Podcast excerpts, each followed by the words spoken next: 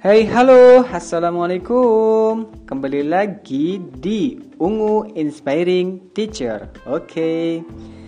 hmm jadi edisi kali ini agak berbeda ya. Satu berbeda dari pengisinya. Karena biasanya kan Kak Via Ajeng. Nah hari ini perkenalkan nama saya adalah Rio Rio Trihandoko menjadi salah satu kru dari Ungu Inspiring Teacher.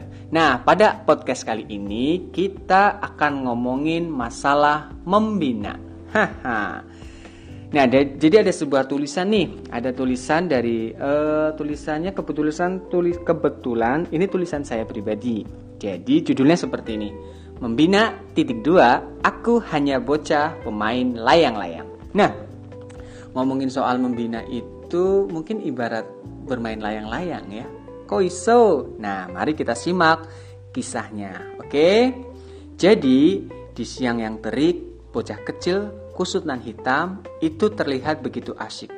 Sepertinya ia tak sadar atau menyengaja untuk tidak sadar tentang panas yang membuat kulitnya terbakar atau tentang haus yang sering kali memanggilnya untuk segera menjauh dari terik yang terus menyengat tetapi ia memilih terus berdiri dan bertahan.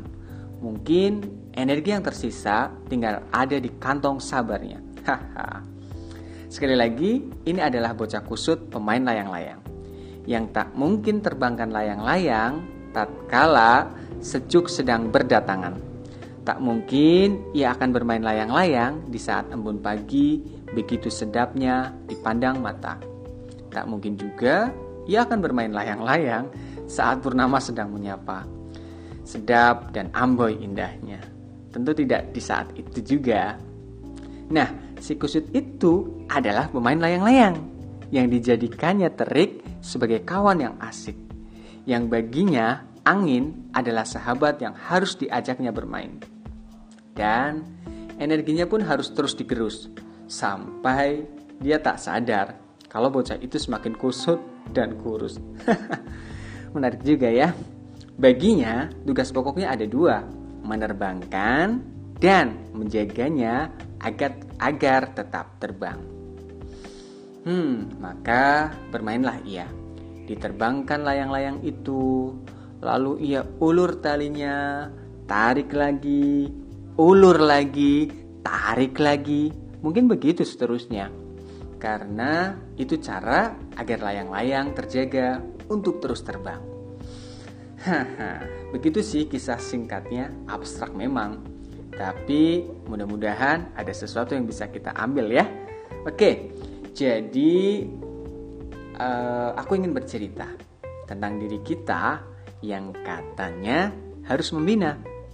Maka aku pun harus belajar dari bocah itu yang siap menjadi kusut karena harus berlelah-lelah sampai tingkat akut. Mencoba bersahabat dengan terik yang menyengat, tetapi kata semangat yang terus mencuat. Ah iya, bocah itu sungguh polos dan lugu, menerbangkan layang-layang hingga lupa diri dan waktu. Aku tentu tidak ingin menirunya sampai lupa waktu, tapi cukup ambil ibrohnya saja, ambil hikmahnya ya bahwa membina memang harus dengan banyak waktu yang tak semestinya diduakan. Sepertinya aku pun harus benar-benar bermain layang-layang yang bisa menerbangkan dan menjaganya untuk tetap terbang. Begitu mungkin ya membina. Jadi kita bisa menerbangkan lalu menjaganya agar tetap terbang. tentang poin 2. Tentang bagaimana menjaganya untuk tetap terbang maka menarik dan mengulurnya adalah pilihan. Menarik dan mengulurnya adalah pilihan. Memang benar adanya, tak cukup dengan mengulur, tetapi juga harus ditarik. Tak cukup hanya dengan ditarik, tetapi juga harus diulur. Keduanya harus sama-sama ada, harus sama-sama ada dalam kita membina, menarik, dan mengulur.